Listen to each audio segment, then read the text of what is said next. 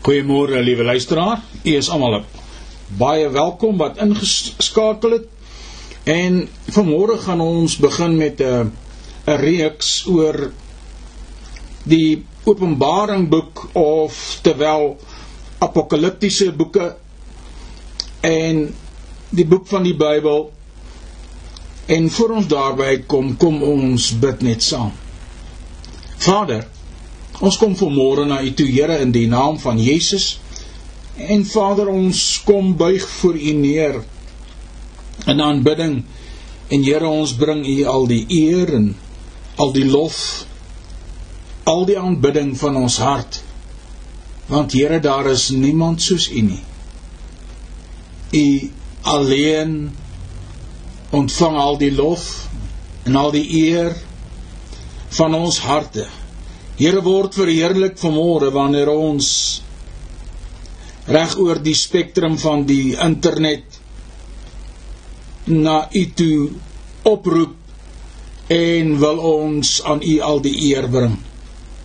Dankie Here dat ons vanmôre uit U woord kan leer en Here alhoewel ons nie veel weet nie wil ons dit wat ons weet so bietjie deel met u kinders.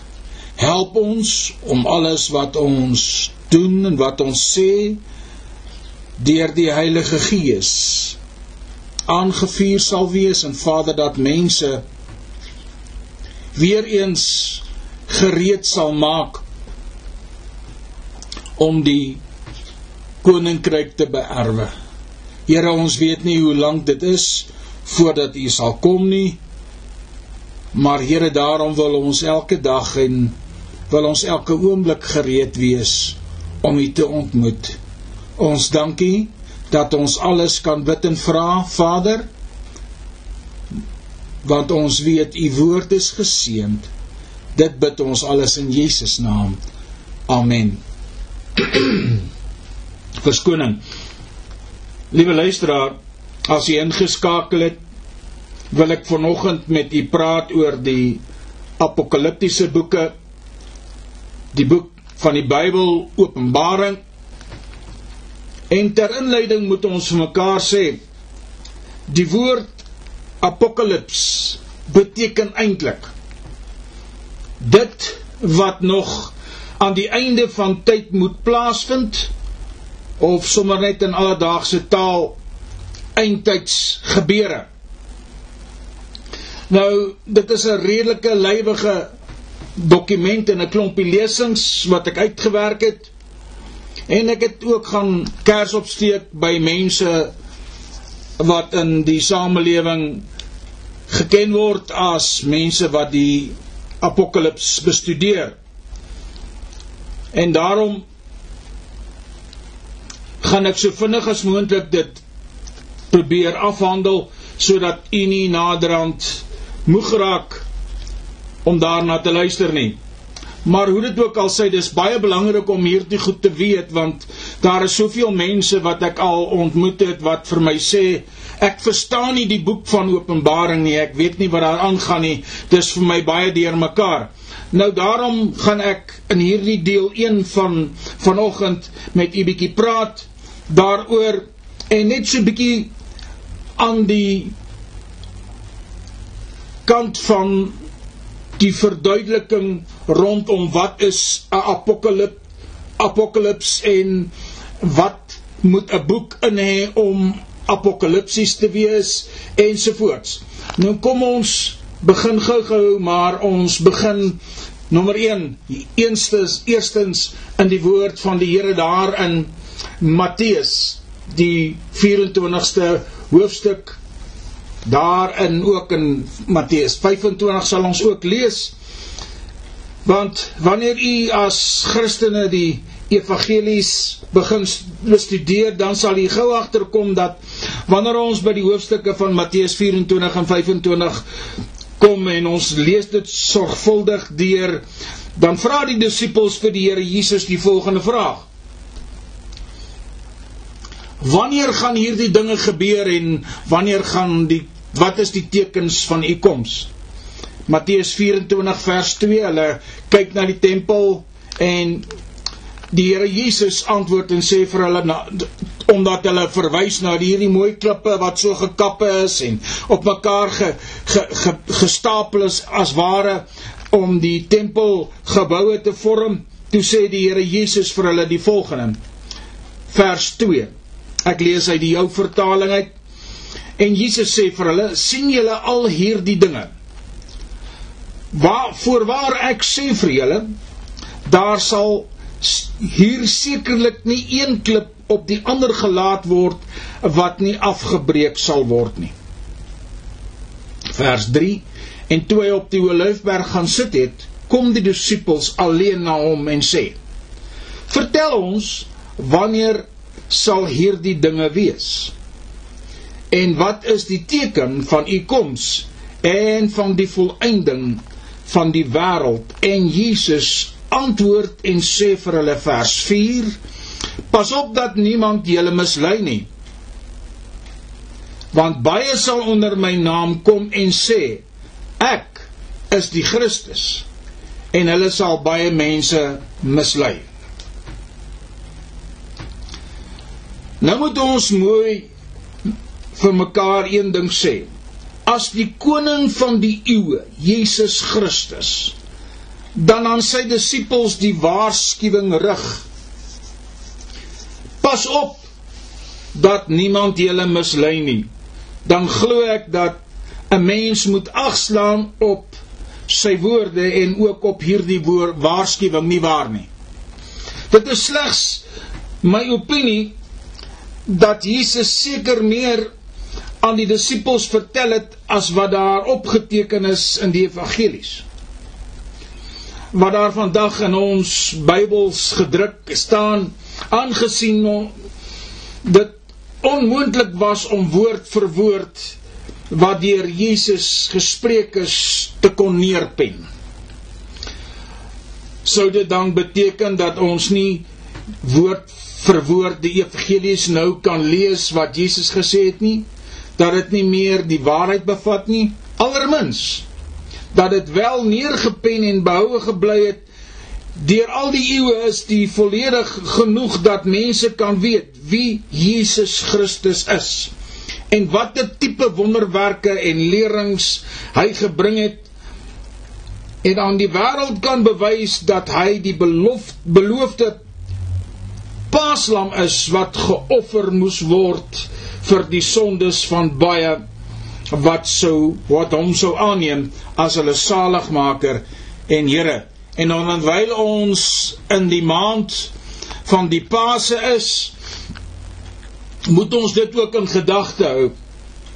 Maar so Matteus 24 en 25 so 'n beknopte weergawe van die boek Openbaring aangesien wanneer ons in die eerste hoofstuk van Openbaring die opskrif tot die eerste gedeelte lees, vind ons die volgende: Die openbaring van Jesus Christus wat God hom gegee het om aan sy diensknegte te toon wat gou moet gebeur en wat hy deur die sending van sy engel aan sy dienskneg Johannes te kenne gegee het wat getuig het van die woord van God en die getuienis van Jesus Christus wat hy alles gesien het.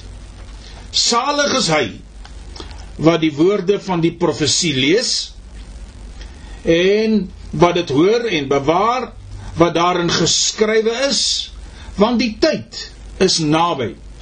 Johannes aan die sewe gemeentes in Asië genade vir en vrede vir julle van hom wat is en wat was en wat kom en van die sewe geeste wat voor sy troon is. Dis Openbaring 1 vers 1 tot 4 daar is baie mense wat wat vra vra al deur al die eeue heen. Is hierdie voorspellings wat geskrywe en gedeel is aan die sewe gemeentes wat in Asië was. Die rede vir dit is dit nie duidelik nie.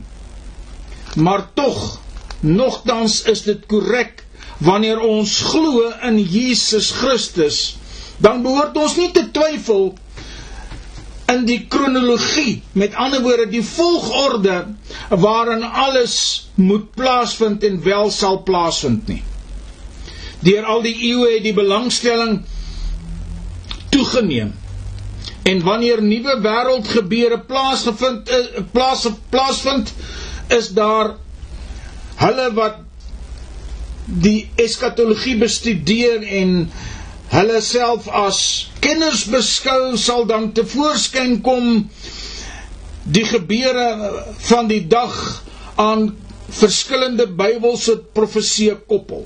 Ja, die moderne media dra by dat die TV en die tsunamies en die hongersnood en die aardbewings en die oorstromings en die vuurspeenberge selfs aardverwarming is faktore wat hierdie eskatologiese kenners aanvuur om hulle stemme deur die verskillende media kanale te laat hoor. Met ander woorde, hierdie ouens wat reken hulle weet eskatologie beteken maar basies iemand wat die eindtyds gebeure bestudeer, dis die eskatologie van die Bybel. En dan moet ons vir mekaar sê almal wil graag weet. Almal soek na antwoorde. Almal wil ook graag weet waar pas God en ook die mens in hierdie huidige prentjie in. Daar is juis 'n vraag of dit moontlik sal wees om in die postmoderne wêreld met sy ontploffende boeiende wetenskap en tegnologie gerusstellende antwoorde in die boek van Openbaring te vind. Wel, ons kan slegs hierdie vraag beantwoord wanneer ons die Bybel deurwerk en ons die talle geskrewe uh, apokaliptiese vertellings tussen die blaaie van die Bybel vind. Openbaring is nie net 'n boek om die toekoms uit af te lees nie, maar dit help ons in werklikheid om die Here beter te verstaan, insig in die Here te bring en dan uitsig op God se toekoms te probeer vind. Die uitsig op God se groter verlossingskontoure gee 'n bietjie 'n insig in ons daaglikse lewe. Openbaring probeer veral twee van ons belangrikste vrae te beantwoord. Nommer 1 Wie is in beheer van hierdie mense wêreld waarvan ons deel is? Nou baie mense wil dan dit so stel dat die vyand in beheer is want hulle lees die gedeelte daar in Filippense 6. En dit is nie in werklikheid die ding wat sê dat die vyand is wel besig en hy is heiliglik aan die orde van die dag, maar hy het nie alles in sy hand nie. Hy het geen mag om dinge te besluit en dinge te bestuur volgens sy wil nie. Nee. Hy is 'n gevalle engel en so moet ons hom sien. En dan nommer 2 is die vraag, wat is die betekenis van al hierdie hartseer gebeure in ons daaglikse geskiedenis? Die eerste vraag oor God en die tweede vraag is 'n vraag oor God se rol in die geskiedenis. Aan wie is hierdie boek Openbaring aanvanklik gerig? Die boek Openbaring is aanvanklik gerig aan die Christene daar in Klein-Asië aan die einde van die eerste eeu na Christus om hulle te bemoedig in hulle swaar kry en 'n krisissituasie waar mee hulle gespook het. Wat ons huidige vraag ook al is Openbaring is op sy boeiendste wanneer ons die lesers daarvan in 'n krisis verkeer.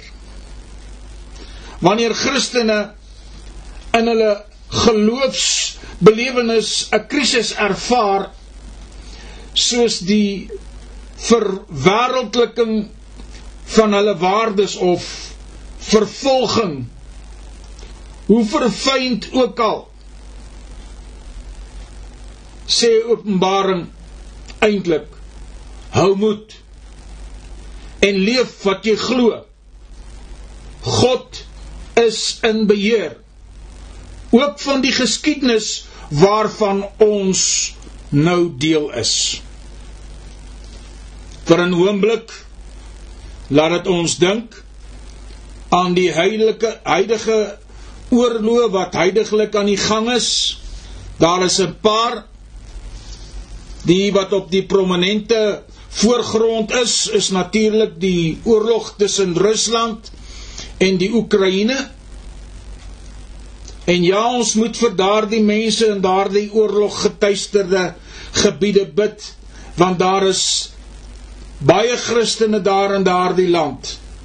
Inteendeel daar word gesê dat daar is meer Christene in daardie land as wat daar in presentasie gewys in die hele Europa is. Openbaring is ook 'n brief wat gerig is aan die sewe gemeentes wat in Klein-Asië is.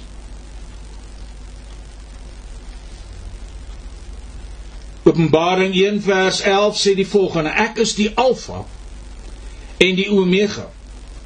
Die eerste en die laaste. Skryf wat jy sien in 'n boek en stuur dit na die sewe gemeentes wat in Asië is. Na Efese, Smyrna, na Pergamus, Thyatira, Sardes, Philadelphia, Laodicea. Johannes aan die sewe gemeentes in Asië. Genade vir julle en vrede van hom wat is en wat was en wat kom en van die sewe geeste wat voor sy troon is. Ek Jesus het my engel gestuur om hierdie dinge aan julle voor die gemeentes te betuig. Ek is die wortel en die geslag van Dawid, die blink môrester. Die gemeentes het in die vorm van 'n perdeskoen gelê. Jy weet hoe lyk 'n perdeskoen? Die volgorde waarin die gemeentes in Openbaring genoem word, hang saam met die roete wat die boodskapper gevolg het. Hy het begin by Efese, daarna daarna na Smyrna, dan na Pergamus, dan na Thyatira, dan Sardes, Philadelphia en hy klaar gemaak in Laodicea.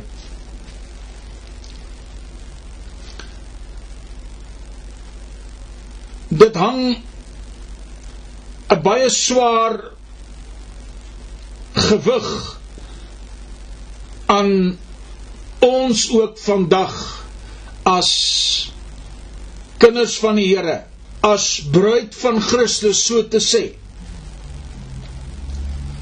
Jy sien want hy het by Patmos begin om die omsendbriewe toe in 'n perdeskoenroete af te lewer. Elke briefboodskap aan die sewe gemeentes moet gesien word na as aanleiding tot die brief Openbaring as 'n geheel.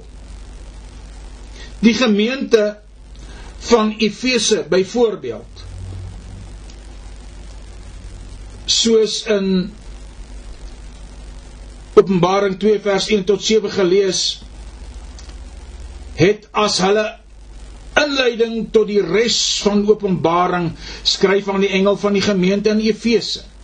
Dit sou hy wat sê hy wat die sewe sterre in sy regterhand hou wat wandel tussen die sewe goue kandelaars. Ek ken jou werke en ek ken jou arbeid en jou lydsaamheid en dat jy slegte mense nie kan verdra nie. En dat jy die op die proef stel wat sê dat hulle apostels is en nie is nie en hulle leenaars bevind het. En dat jy verdra het en lydsaamheid besit ter wille van my naam gearbei en nie moeg geword het nie. Maar ek het dit teen jou dat jy jou eerste liefde verlaat het. Onthou dan die onthou dan waarvandaan jy uitgeval het, bekeer jou en doen die eerste werke. Anders kom ek gou na jou toe en sal jou kandelaar van sy plek verwyder as jy jou nie bekeer nie. Maar dit het jy dat jy die werke van die Nikolaite Nikolaite haat wat ek ook haat. Wie oor dit?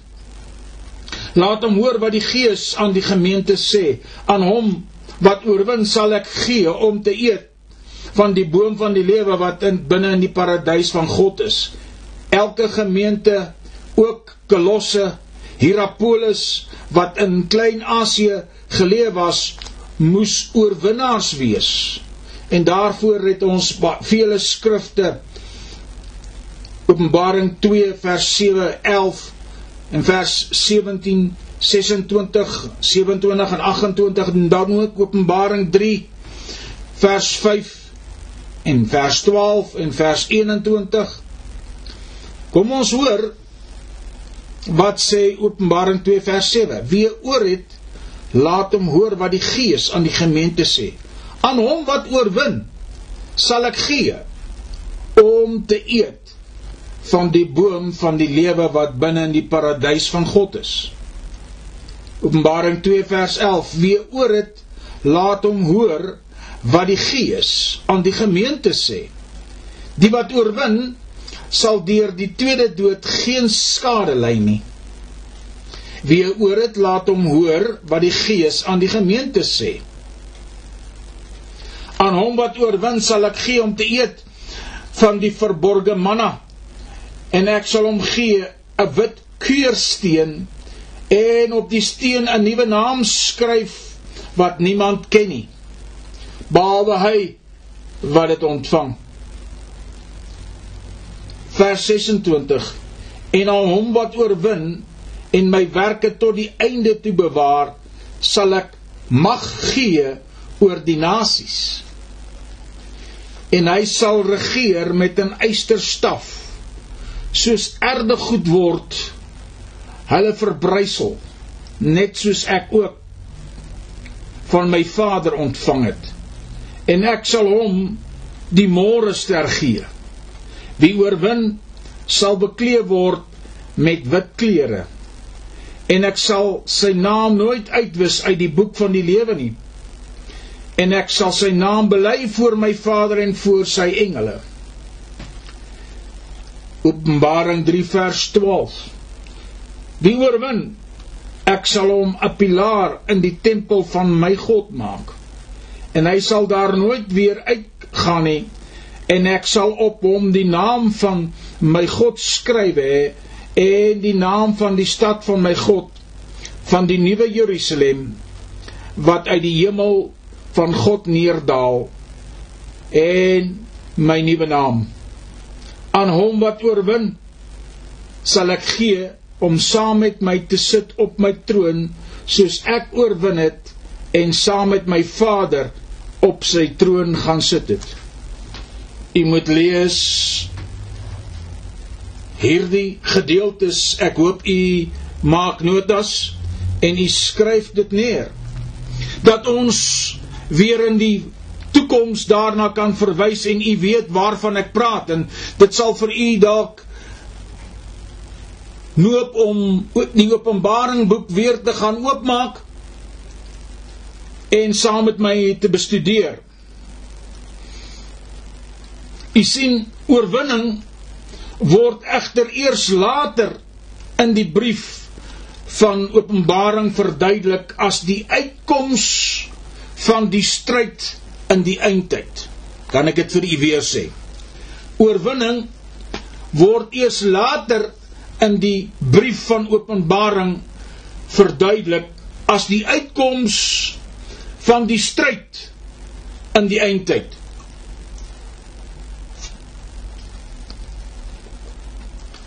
Slegs oorwinnaars sal die nuwe Jerusalem kan binnegaan. Hoor mooi. Slegs oorwinnaars sal die nuwe Jerusalem kan binnegaan. En as ek dit kan terugreflekteer oor ons lewe as Christen hier op aarde. Ons is oorwinnaars. Paulus skryf dan baie mooi Ek is 'n oorwinnaar in Christus Jesus se naam. U sien so met ander woorde as ons Jesus Christus in ons lewe innooi en ons in hom bly dan is ons oorwinnaars in Jesus Christus en sal ons oorwin en sal ons 'n toegang het of 'n toegang kan kry tot hierdie nuwe Jerusalem. En ek weet vir baie mense is dit moeilik om te verstaan. Maar hierdie eskatologie is soms nie net 'n verbeeldingsvlug nie maar dit is 'n geloofsdaad wat u doen. Want u moet in die geloof dit sien wat vir u heiliglik nog nie bestaan nie want dit is wat geloof verduidelik word deur die skrywer van Hebreërs want niemand is werklik seker wie die boek van Hebreërs geskryf het en almal veronderstel maar dat dit Petrus ag dat dit uh, Paulus was wat die boek van Openbaring geskryf ag die boek van Hebreërs geskryf het en verskoon tog ek het vir 'n oomblik deurmekaar geraak maar Hebreërs sê dan baie mooi daar in Hebreërs 11 vers 1 geloof dan is 'n vaste vertroue op die dinge wat ons glo 'n bewys van die dinge wat ons nie kan sien nie en daarom moet ons geloof hê want ons kan die hemel nie sien nie ons glo en ons weet uit ons hart dat Jesus het na sy Vader opgevaar wat in die hemel is. En ons weet omdat ons glo dat Jesus Christus aan die regterhand van die Vader in die hemel sit. Die Openbaring boek is 'n apokalips. En dan is dit 'n profesie en dan ook 'n brief. Openbaring is egter ook in profesie. Daarin Openbaring 1 vers 3: Salig is hy wat die woorde van die profesie lees en die wat dit hoor en bewaar wat daarin geskrywe is want die tyd is naby. Weereens moet ek vir u sê wanneer ons die boek van Openbaring lees en die woord naby sien, dan kyk ons uit die tydoriëntasie van God. God staan buite tyd.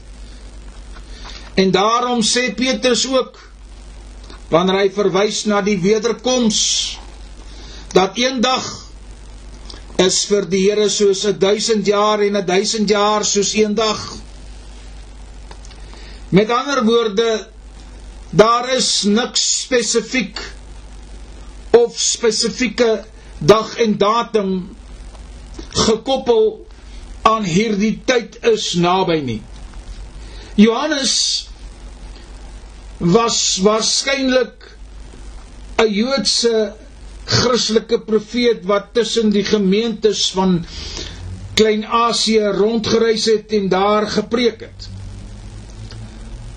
'n Rondreisende Christelike profeet het gewoonlik God se wil aan die gemeentes verduidelik tyd, tydens hulle samekomste en hulle dienste. Nou moet u weet en u moet dit mooi verstaan dat hierdie Joodse Christen profeet is daar in die Asiese gedeelte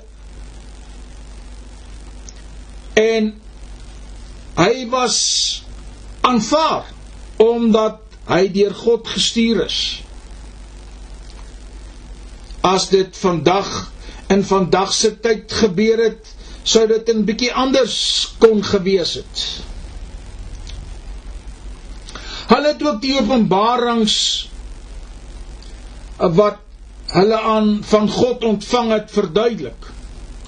Ons lees daar in 1 Korintiërs 14 vers 30. Maar as daar iets geopenbaar is aan 'n ander wat daar sit laat die eerste swyg. Sommige profete het visioene ontvang waaroor hulle aan die gemeentes verslag moes doen. Handelinge 10 vers 9. En die volgende dag terwyl hulle op pad was en naby die stad kom, het Petrus omtrent die 6ste uur op die dak geklim om te bid.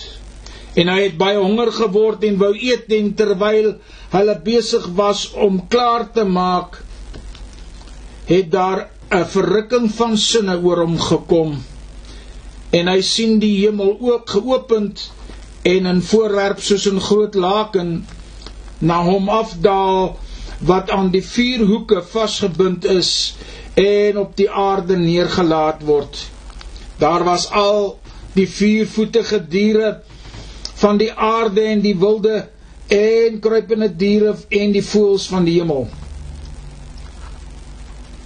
Toe kom daar 'n stem na hom: "Staan op, slag en eet."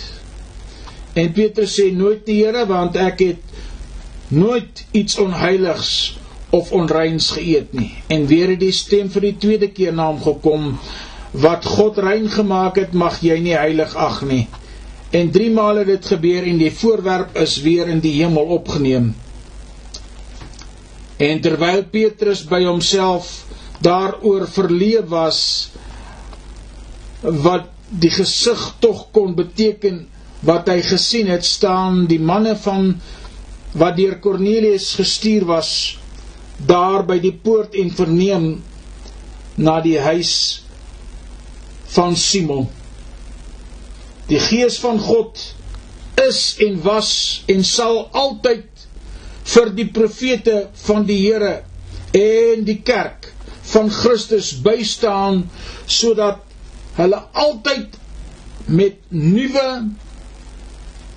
vars en boeiende boodskap die liggaam van Christus kan bemoedig in tye van nood wanneer 'n lid so bietjie van koers af beweeg het.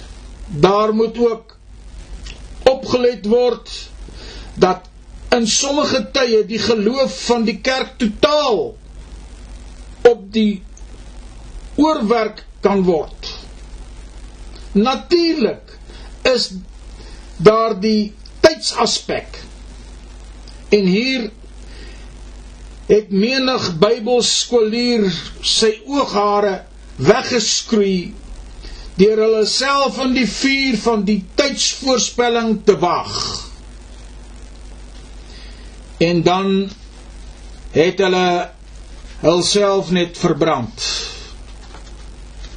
om so bietjie te verduidelik wat hier gesê is baie mense en baie Bybelskooliere het al in die verlede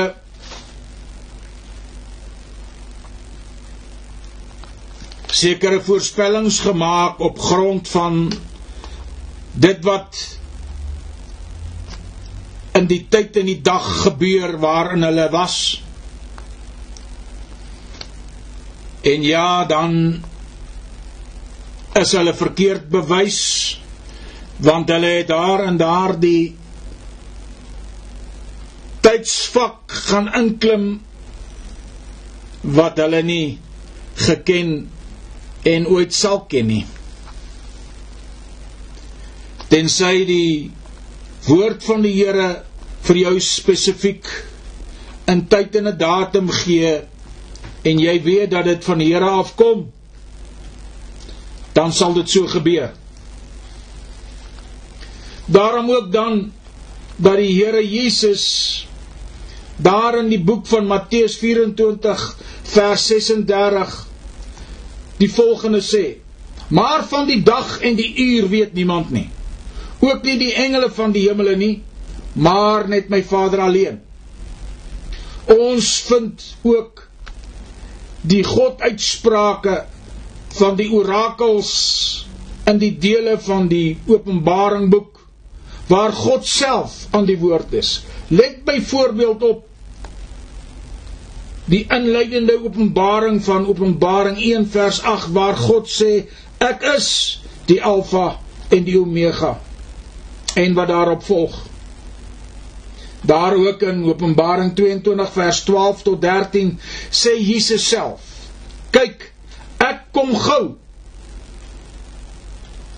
en my loon is by my om elkeen te vergeld soos sy werk sal wees Ek is die Alfa en die Omega, die begin en die einde, die eerste en die laaste. Salig is die wat sy gebooie doen sodat hulle reg kan hê op die boom van die lewe en ingaan deur die poorte in die stad. Die ander vraag wat gevra kan word is Openbaringe volwaardige apokalips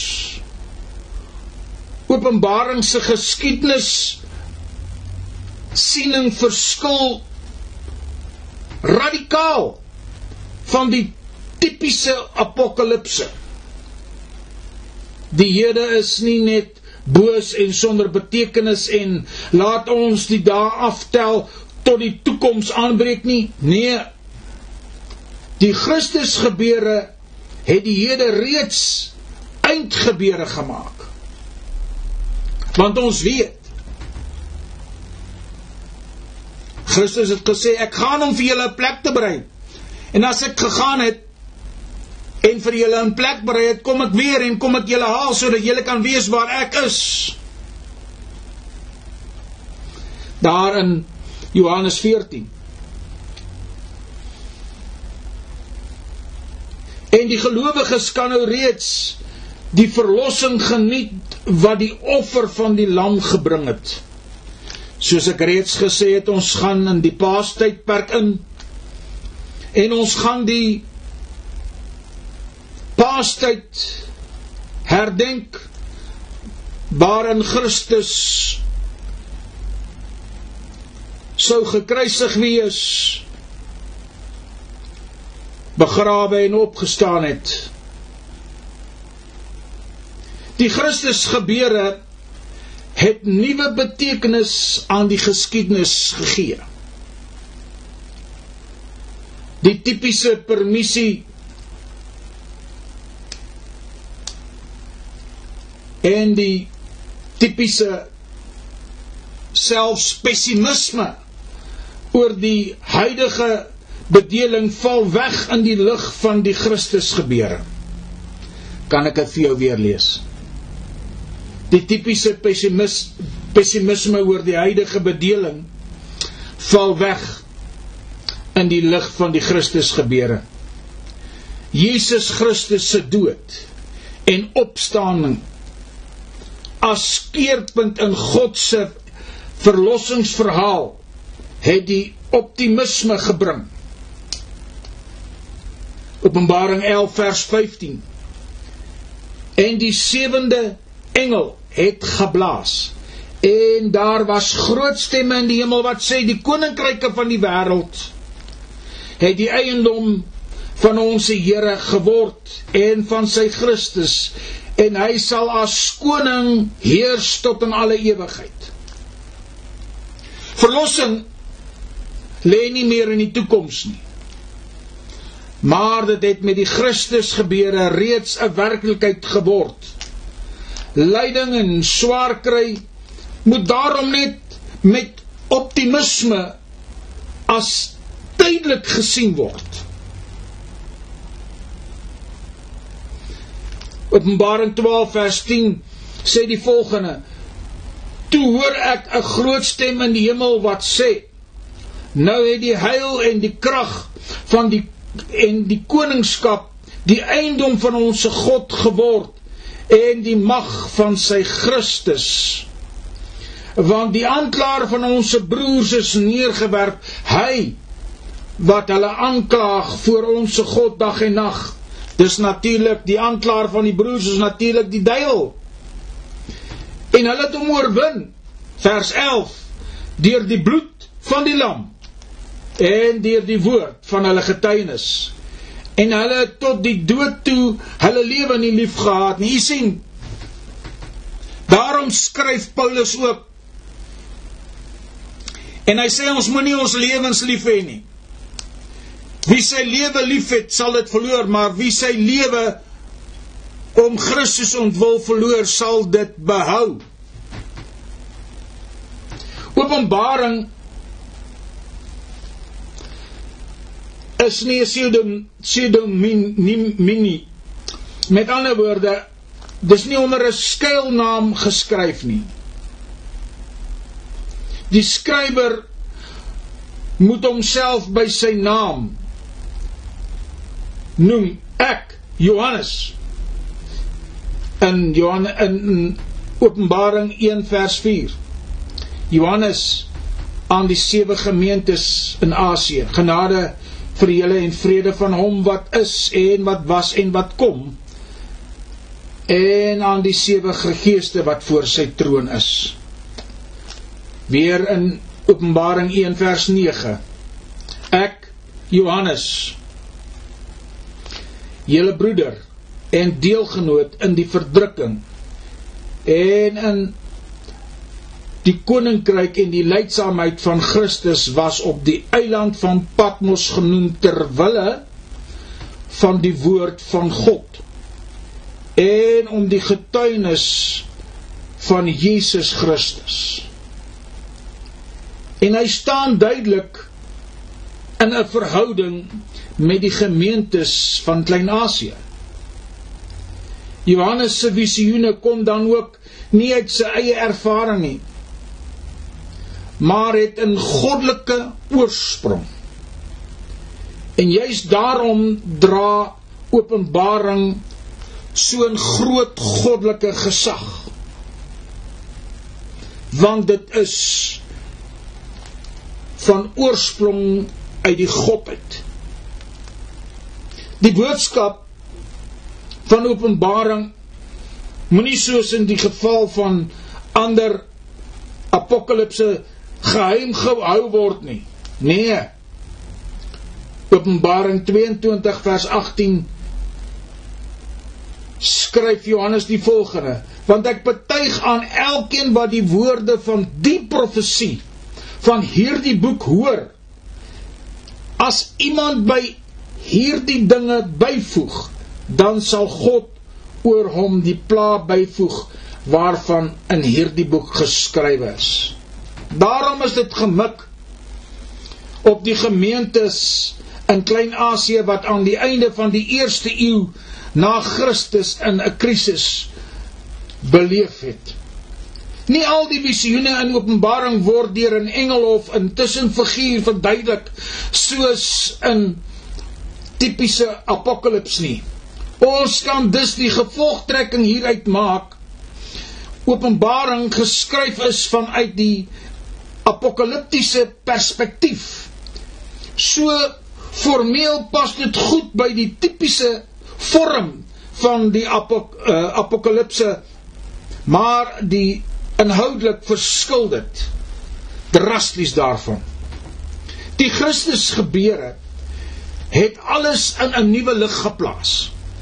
Daarom is die Jode nie meer troosteloos en boos nie, maar moet met optimisme beleef word omdat Christus reeds volledig die verlossing gebring het.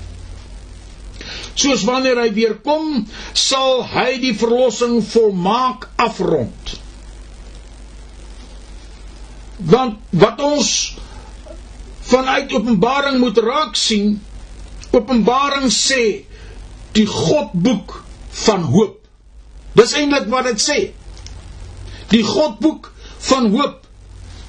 Ons moet vanuit Openbaring die alleen heerskappy van God op die aarde raak sien. God is alleen in beheer van die geskiedenis en daar is geen wêreldmag wat regeer nie, maar slegs deur Jesus Christus is in beheer. Hy, die enigste lam van God. Alle aardse instansies en magte is onderhewig aan God se alleen heerskappy. Hy bestuur alles. Hy is daarom alleen God en waardig om geaanbid te word en daar is geen ander weg behalwe Christus as ons verlosser wat ons die ewige lewe kan skenk nie. Openbaring kan ook gesien word as die boek van hoop. God is in beheer, die bose word oorwin en het en die dood het nie die laaste sê nie tog ten spyte van vervolging, diskriminasie, lyding en agterdog, leef die gelowiges vanuit die perspektief van hoop. Wat met Christene se eerste koms en met die gelowiges se verwagting uitsien na die tweede koms? Daar is ook net die oordeel van God wat voltrek word aan die sondaars en die ongelowiges wat nie God en sy heerskappy op aarde wou aanvaar en ken nie. In die Openbaring boek speel Jesus Christus die hoofrol in God se wêreldplan. Die offer van die lam konstitueer Openbaring se vertrekpunt in God se verlossingsplan vir die wêreld. In konklusie omtrent hierdie perspektief van Openbaring boek is daar sekere vrae wat ons as mense hier op aarde onsself af te vra. Wat is die kwalifikasie om in die hemel in te gaan? Ons weet dat niemand ooit God se oordeel sal kan vryspring nie. Hoor wat sê Matteus 18 in Matteus 28 vers 18 tot 20. En Jesus het nader gekom en met hulle gespreek sy disippels. Aan my is gegee alle mag in die hemel en op aarde. Gaan dan heen, maak disippels van alle nasies en doop hulle in die naam van die Vader en die Seun en die Heilige Gees en leer hulle om alles te onderhou wat ek julle beveel het. Matteus 28 vers 20 en kyk ek is met julle al die dae tot aan die volëinding van die wêreld. Amen. Johannes 14 vers 6 en 7. Jesus antwoord hom: Ek is die weg en die waarheid en die lewe. Niemand kom na die Vader behalwe deur my nie. Romeine 4 vers 7. Welgeluksalig is hulle wie se ongeregtighede vergewe en wie se sondes bedek is. Romeine 10 vers 4 en 6 Want Christus is die einde van die wet tot geregtigheid vir elkeen wat glo. Maar die geregtigheid wat uit die geloof is, sê dit: Moenie in jou hart sê wie sal in die hemel opvaar naamlik om Christus af te bring nie. Romeine 10 vers 9, 10 en 11 As jy met jou mond die Here Jesus bely en met jou hart glo dat God hom uit die dode opgewek het, sal jy gered word. Want met die hart glo ons tot die geregtigheid en met die mond bely ons tot redding. Want die skrif sê elkeen wat in hom glo sal nie beskaamd word nie. Handelinge 2 vers 37, 38 en tot 40.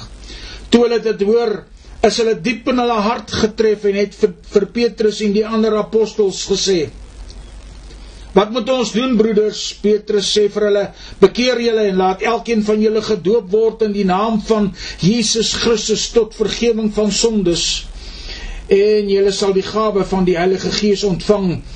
want die belofte kom julle toe en julle kinders en almal wat daar ver is die wat die Here ons se God na hom toe sal roep en met baie ander woorde het hy hy hulle besweer en vermaan en gesê laat julle red uit hierdie verkeerde geslag. Efesiërs 1 vers 3 En ek gaan 'n paar verse lees. Geseënd is die God en Vader van ons Here Jesus Christus wat ons geseën het met alle geestelike seënings in die hemel en hemel in Christus. Soos hy ons in hom uitverkies het voor die grondlegging van die wêreld om heilig en sonder gebrek voor hom in liefde te wees, deurdat hy ons voorbeskik het om ons as sy kinders vir homself aan te neem deur deur Jesus Christus na die welbehae van sy wil tot lof van die heerlikheid van sy genade waarmee hy ons begenadig het in die geliefde. In hom het ons die verlossing deur sy bloed, die vergifnis van die misdade na die rykdom van sy genade. 1 Petrus 4 vers 3 Want dit is genoeg dat ons die afgelope lewenstyd die wil van die heidene volbring het deur te wandel in ongebondenheid, begeerlikheid, dronkenskap, brasserye, drinkpartye, ongeoorloofde afgoderye. Daarom vind hulle dit vreemd as jy nie saamloop in dieselfde uitgieting van losbandigheid nie en hulle laster. Hulle sal rekenskap gee aan hom wat gereed staan om die lewende en die dode te oordeel. Want daarom is ook aan die dode die evangelie verkondig sodat hulle wel geoordeel kan word na die mens in die vlees, maar lewe na God in die gees. Markus 13 vers 13. En julle sal almal deur almal gehaat word ter, ter wille van my naam. Wie volhard tot die einde toe, hy sal gered word. My vraag aan jou vanmôre is dit: Wil jy eendag voor die troon van God weggewys word met die woorde: "Gaan weg" of "Vat hom weg" of "Vat haar weg, ek ken jou nie"? Wil jy nie maar jou hart en lewe vir Jesus oorgee en en hom in jou lewe innooi nie? Kan ek nie vanmôre saam met jou 'n gebed doen nie? Ons is in die deel 1 van die Openbaring boek en soos wat ons aangaan sal jy sien wat gaan gebeur. En daar is baie mense wat onder 'n verkeerde indruk lewe om te dink dat hulle gaan dit alles vryspring. Kan ek saam met jou bid vanmôre? Kom ons bid saam. Vader, ek kom vanmôre na U toe, Here, en ons bring hulle wat sê Here ek het gefouteer of Here ek ken U nie wil U nie maar in my lewe inkom nie Here wil U nie my maar vergewe vir al my sondes nie Here ek neem U aan as my persoonlike saligmaker en Here. Here ek nooi U in as Here van my lewe. Wil U my heiland word? Here, ek neem U aan as my persoonlike saligmaker. Here, ek bid vir hulle dat U hulle sal werklik waar vergewe en Here dat U hulle sal help om 'n goddelike lewe te lei en 'n heilige lewe voor U te lei. En Here dat U hulle deur U Gees sal vul soos U alleen kan. Vader, baie dankie dat ons hierdie boodskap kan afsluit. Vereers En Vader, dis my gebed dat ons as ons volgende week sal aangaan dat U ons sal help daarin. Ek dank U daarvoor, Vader, in Jesus lieflike naam. Amen. Liewe luisteraar, my kontakbesonderhede vir my WhatsApp is as volg: +27 76 840 1328 en dan kan u ook vir my 'n WhatsApp stuur en vir my potgooi link vra en ek sal dit vir u aanstuur. As u vir my wil e-pos, dan is u welkom dr.af.weyers55@gmail.com. Ons sal volgende week as die Here ons spaar. Ek weet nie of ek dalk 'n uh, paasboodskap gaan doen volgende week nie. Ek sal sien. Uh dan gaan ons aan met die volgende lesing. Mag die Here vir u seën en mag die Here vir u goed wees. Amen.